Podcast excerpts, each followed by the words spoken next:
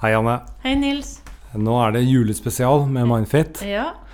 Og eh, nå er vi oppe i den etasjen hvor det spøker. Altså, det, det har jo, vi har snakket om det tidligere. Ja. Og eh, vi jobbet her helgen, og da kom Securitas eh, innom. Eh, da var det alarmer som gikk på huset som var fra huset, mens ingen var der. Ja. Og den døra som er i enden her, Ja. den har noen låst. Ja. Og det er ingen som vet hvem som er det, og er ingen som har ikke det er tullenissen som er så populær. Jeg tror det er eh, et spøkelse her oppe. Ja, ja. Så det spøkelset for mye Mindfit, i hvert fall. Det, det er noe bra. ja, ja. Eh, hva skal du gjøre i jula, da? Jeg skal på hytta, gå på ski. Så skal jeg slappe av. Og så skal jeg se på masse Netflix-serier. Være med familien, så klart. Har du plukket ut noen?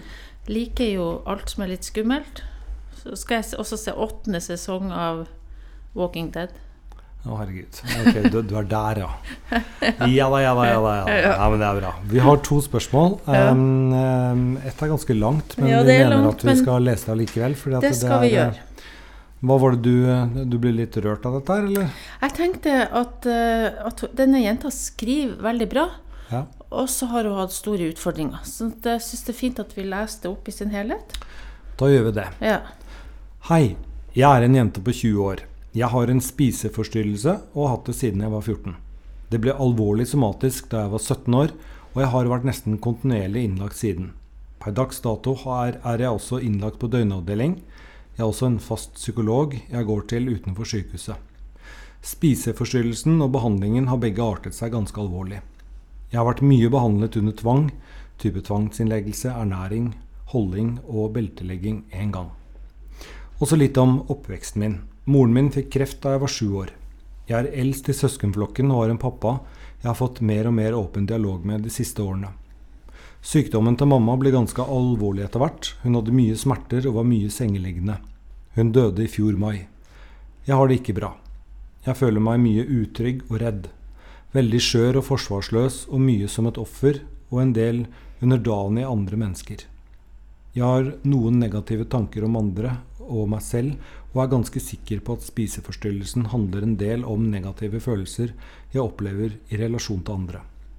For jeg tror kanskje jeg har ble litt traumatisert i oppvekst med syk mor, og dermed kanskje litt manglende omsorg. Og også gjennom tvangsbehandling. For jeg sliter vel en del med mistillit til andre. Jeg har delt med de som jobber på avdelingen at jeg føler noen ganger de vil, at de vil meg vondt. Men jeg føler ikke alltid at det blir tatt seriøst. Men at eh, de tar mest hensyn til min kroppslige tilstand. Som i og for seg er innafor ettersom jeg har vært ganske dårlig fysisk, men jeg føler kroppen min skjuler følelsene mine. Jeg er redd for at når jeg blir normalvektig, blir jeg borte igjen, og jeg er fanget som en pliktoppfyllende, snill og stille pike igjen. Og det er vanskelig for meg å forstå at tvangen jeg har vært gjennom, har vært for å hjelpe kroppen min, og ikke å straffe meg. Nå har jeg klart å føle at andre vil meg godt, og forklare situasjoner på en måte som ikke omhandler at andre er ute etter meg, føler jeg på en slags forløsenhet. Jeg er veldig redd for at noen skal bli sinte eller kritiske til meg, eller å såre noen. Så jeg føler jeg må oppføre meg pent og gjøre som folk vil, være veldig snill, være enig med andre. Jeg er ikke sikker på helt hvorfor jeg syns det er så skummelt, men da tror jeg kanskje at det vil ramme meg på noen måte, og at jeg kommer til å bli straffet, enten ved å angripe meg verbalt eller tvangsbehandling i verste fall. Det høres jo litt merkelig ut sånn rasjonelt sett, men dette er vel noe à la det jeg føler som er veldig skremmende, men litt forståelig også, tenker jeg. Da jeg var yngre, følte jeg det var veldig mye oppmerksomhet rundt min syke mor. Folk spurte meg hvordan det gikk med henne. Hjemme følte jeg at det ikke var plass til meg, følelsene og behovene mine. Jeg måtte være snill, mer føyelig faktisk, stille og liten. Hvis ikke ble det referert til mamma, og jeg følte dermed skyld. Mamma kunne også bli veldig sint og slenge ut med unødige kommentarer jeg tok veldig innover meg.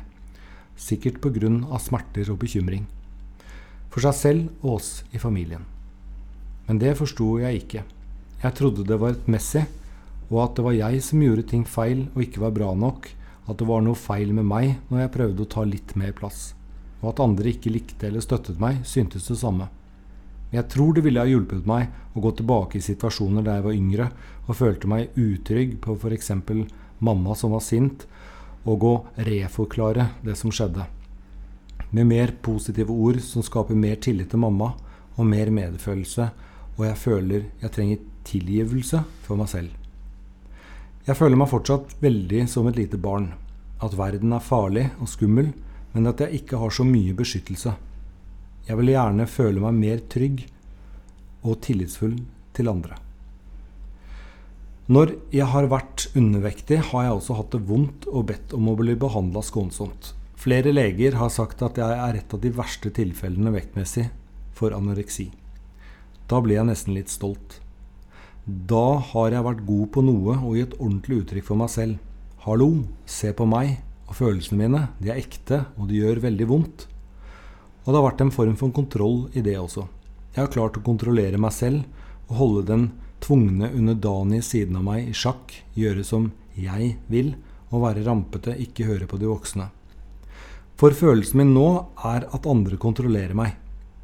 Jeg må jo gjøre så mye jeg evner for å unngå å bli mislikt og straffet. Jeg må være snill og ordentlig selv om jeg ikke vil, fordi det gjør vondt i følelsene mine hvis ikke. Hva tror dere? Jeg forstår ikke helt. Jeg ville sånn dele dette her med dere og høre deres tanker om meg og min situasjon. Jeg liker veldig godt podkasten deres, og har i de siste dagene brukt den utgangen jeg har på å gå tur og høre på episodene deres. Da føler jeg meg mer trygg og tilhørlig. Hva kan hjelpe meg? Hvordan kan jeg bli mer trygg på andre? Øvelser i hensyn til grensesetting har hjulpet meg litt, og jeg prøver å ta i bruk appen deres også. Jeg vet at dette ble et veldig langt spørsmål, og kanskje litt klønete skrevet, men jeg prøvde. Jeg har mye på hjertet og vil veldig gjerne høre meg på den fine podkasten deres. Takk for at dere leste. Hilsen ikke alltid snill pike, og det er vel greit. Det er det jo. Mm. Så hva tenker du? Du har, ikke, du har jo ikke hørt det her før. Jeg har jo lest det før. Eh, altså, jeg har uh, ikke noe erfaring med eh, anoreksi eller un undervektige. Eh, så jeg, jeg, vet liksom ikke om det er en, eh, en egen sjanger. Men eh, det som slår meg, er at hun eh, er Altså Det høres ut som hun er midt i sykdommen, mm. for å si det sånn. Mm. og at det er hennes sykdomslogikk eh, som, som, prater, og at en liten del av henne vet at dette her er jo egentlig ikke sånn det skal være. Mm. Og at det er den delen som har uh, vunnet fram og, og, skrevet dette fine, uh, velskrevne svaret. Men jeg får følelsen av at uh, dette er en, en ung kvinne som er midt i sykdommen sin, og som trenger hjelp. Men det siste du sier er så viktig her, for dette opplever jeg med mange som går til meg, uansett hva de plages med. At det, må, at det, er veldig frustrerende må det være å ha så god innsikt egentlig i hva som plager deg, men samtidig være fastlåst i et mønster som du ikke kommer deg ut av. Sånn som hun uh, skriver her, ikke sant. At jeg syns det, det, er veldig sånn klok forståelse av det, at, at denne spiseforstyrrelsen er en måte å ta kontroll på som jeg hører andre si òg. Altså at de, de mm. har vokst opp med mye utrygghet. Og opplever kanskje at det ikke er plass til dem med alle de følelsene og sånn som de behovene de har når de er små. Og så blir spiseforstyrrelsen en måte å, å ta kontroll over i hvert fall én ting, og det å ta kontroll over sin egen kropp. Og så blir det en løsning som samtidig Det gir jo veldig mye fokus på én ting, så det er jo liksom godt òg, for da blir alt det andre ikke så betydningsfullt lenger. Men samtidig så driver jo det sin egen logikk, og så har ikke du kontroll over det lenger. Så, så tenker jeg at jeg syns hun har så veldig rett i det hun sier om at Uh, at hun kanskje trenger hjelp. Altså, men dette, dette, er vanskelig, for hvis du har en spiseforstyrrelse, når den tar stor plass, da, så er det jo ofte eh, Det går jo på bekostning av hvordan du fungerer, både kognitivt sett, og, og hvordan du fysiologisk fungerer. Så du, overskuddet til å gå inn i en type behandling og få hjelp til andre ting akkurat da, kan bli veldig krevende. Mm. Så, så, dette må jo times med når hun er i en type form der, der, hun har overskudd til å gå inn i og få hjelp til å bearbeide ting. Men jeg har erfaring med denne kombinasjonen av at en har en spiseforstyrrelse nå, men også kanskje har en oppvekst der en har opplevd ting som har gjort det veldig veldig vanskelig, og at det er et poeng i å få behandla det. det. Det, du må jo gå tilbake altså Som regel har jo alt en årsak.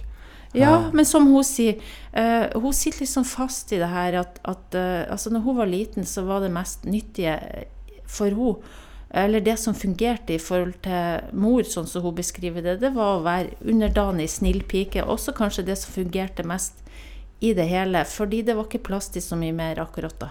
Så har hun blitt Det som skjer ofte med folk, når, er jo at de blir stående fast i reaksjonsmønster som var funksjonelle da, men som ikke er så funksjonelle nå. En kan si at det var jo egentlig eh, en god måte å løse det på som barn, men nå er, er jo hun større. og ser jo sjøl at det blir en hemsko. ikke sant? Hun får ikke tid til å sette grenser, hun får ikke til å, å, være den personen hun vil være. Hun er redd for å si ting, hun er redd for å såre andre. Så det eneste hun har kontroll på nå, det er kroppen sin. Og det blir den eneste måten hun føler hun klarer å gi uttrykk for ting på. Sånn at Håpet for meg er jo at hvis hun får eh, hjelp etter hvert med det her, så kan hun uttrykke det på andre måter. Og en av de tingene hun trenger hjelp til, er jo nettopp å anerkjenne at hun som barn ikke hadde noe valg. Altså denne skylden hun føler, dette at hun tenker at, at hun måtte være snill og underdanig, det må jo løses opp på et vis. Hun må jo kjenne i nåtid at nei, eh, det var ikke hennes skyld. Hun var ei lita jente. Hun gjorde så godt hun kunne. Det må på et vis, som hun sier, hun må kanskje gå tilbake og Re Reforklare? Reforklar, ja. ja. Mm. Og, og, og, mange av de som går til meg når jeg gir dem traumebehandling, så er det jo nettopp det vi gjør. Mm. Vi, vi, får det til å bli mer adaptivt i den forstand at de forstår. Jeg var ei lita jente, jeg gjorde så godt jeg kunne. Det var ikke min skyld. Uh, jeg trenger ikke være uh, underdanig nå. Det var noe jeg trengte da.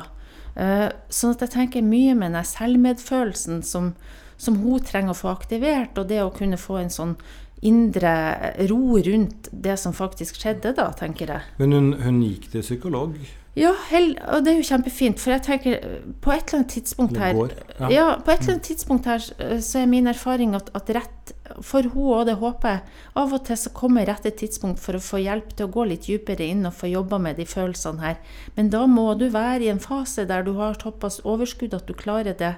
Sånn at det er jo det jeg tenker jeg har lyst til å gi henne håp om at dette er noe hun burde jobbe mot. Og jeg håper også at hun ut ifra det jeg sier, kan få et håp om at den type hjelp kan hun også få på sikt. Uh, og hvis du har en bra psykolog som For det, bare, det, kan ikke bare handle om, om, om, kroppen og kontroll på den selv, altså I dårlige faser, når hun virkelig ikke spiser og sånn, så selvsagt så blir behandlinga veldig dominert av det. Men det her, dette andre som jeg snakker om, må jo også bli et tema.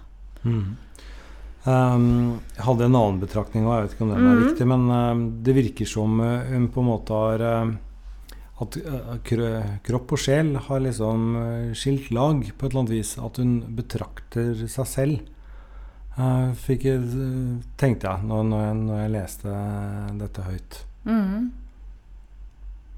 Da tenkte jeg at løsningen Og det er bare selvfølgelig en annen måte å si det akkurat det samme som du sier på. Så løsningen må jo være at uh, kropp og sjel henger jo sammen. Og da er det egentlig å gå tilbake til der det startet. Og det er å rett og slett reforklare, reoppleve. Uh, og ta de tidlige opplevelsene en gang til, slik at uh, det er greie. For å si det som det, du kan jo ikke reoppleve det egentlig. Sånn som det virker, da. Når du opplever noe som er traumatisk og vanskelig som barn, så der og da reagerer du. ikke sant? Hvis du er i en faresituasjon, du, du reagerer med å prøve å forsvare deg, prøve å stikke av. Kanskje du ikke klarer noe av det, så går du i en slags frystilstand. Eh, der og da veldig funksjonelt.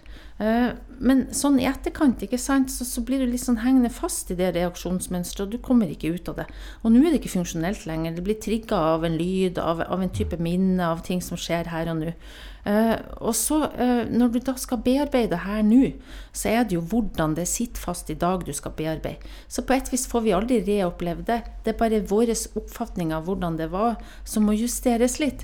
Og da er det noe med å gå tilbake, jobb med det som skjedde da, og så samtidig få hjelp til å forstå Uh, at her og nå uh, så er faren så å si over. Ja.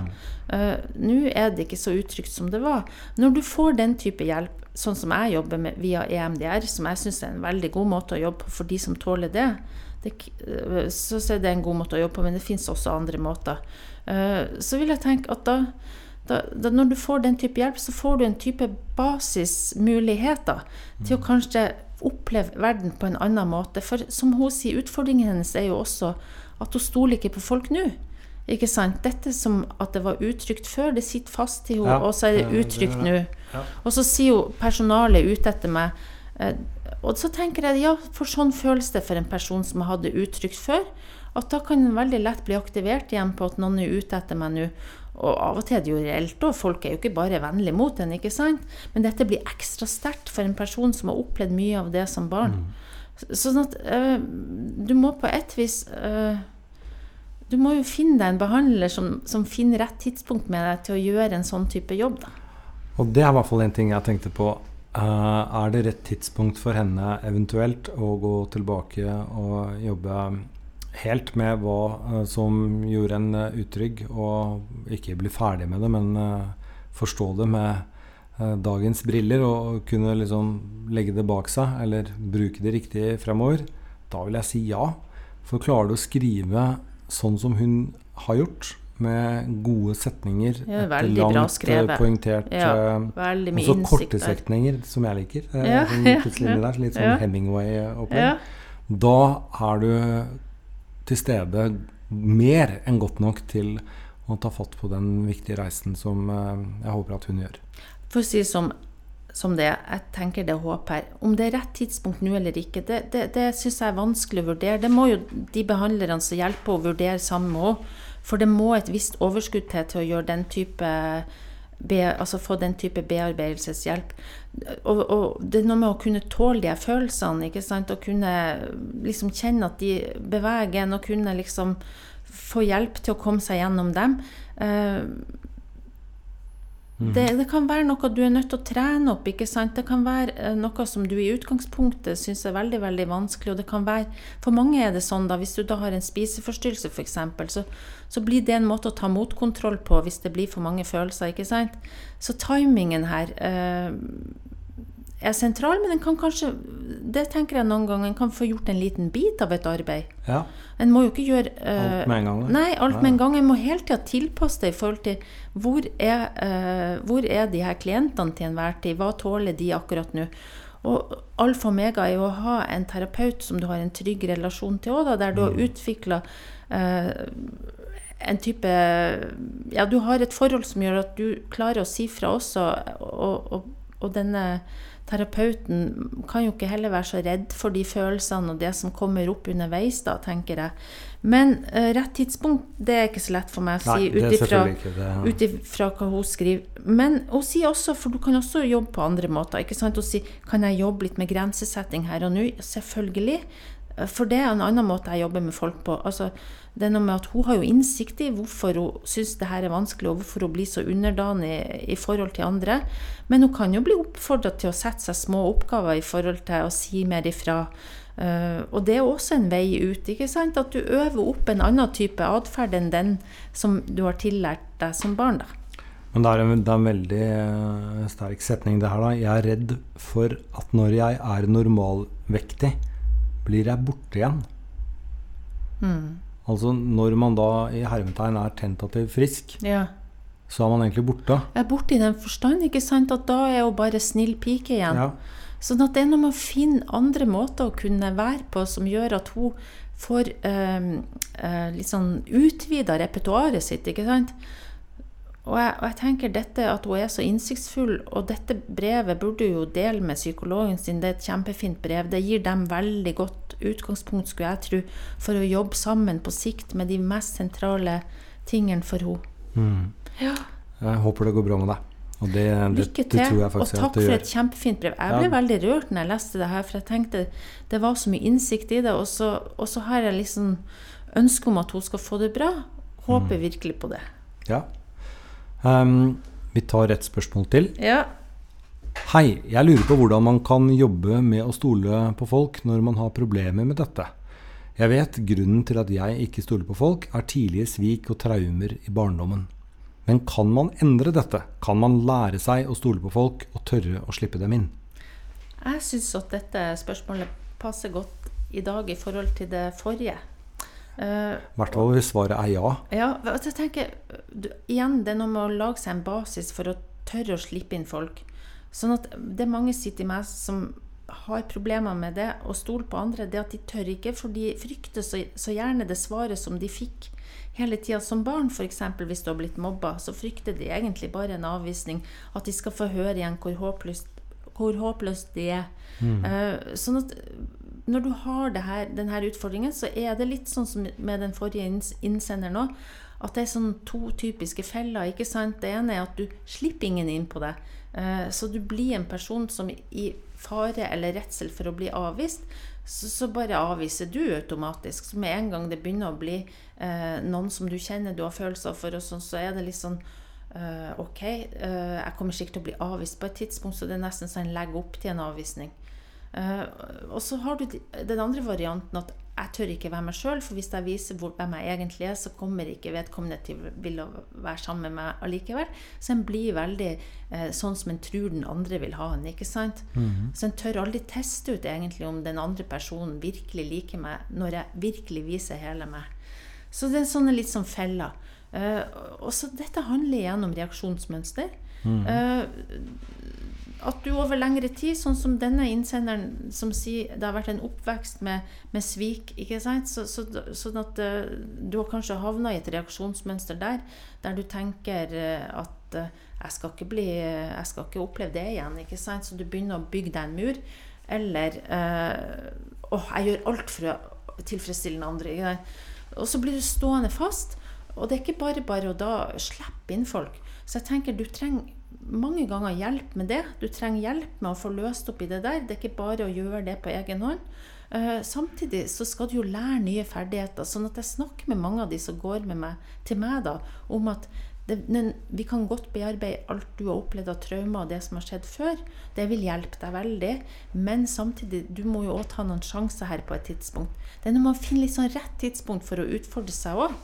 Eh, altså, vi har jo vært innom noe av det samme. Ja tidligere. Altså Det handler jo litt om sånn, sånn, på idrett at frykten for å tape er liksom større enn lysten til å vinne. Ja. Eh, og at man eh, i frykt for å bli avvist eh, lar være å inngå kontakt fordi man blir allikevel avvist. Mm. Men da taper man jo altså ikke noe på å prøve.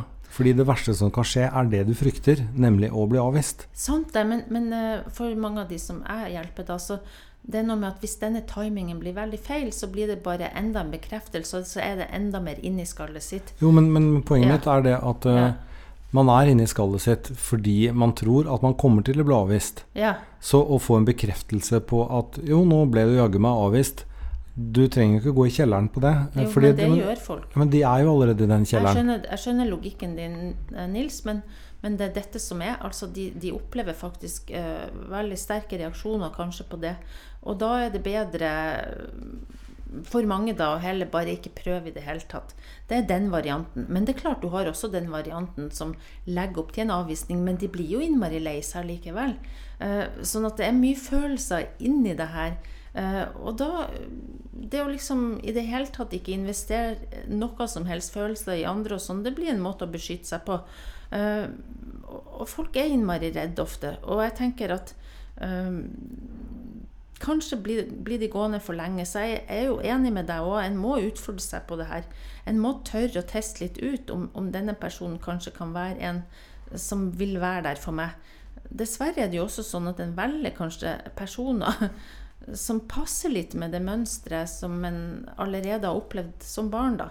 Mm. Sånn at en velger jo kanskje noen som vil typisk avvise meg for at de ligner litt på min far, eller ligner litt på de mobberne i måten å være på, hvis du skjønner. Ja. Så ubevisst så velger en jo det kjente.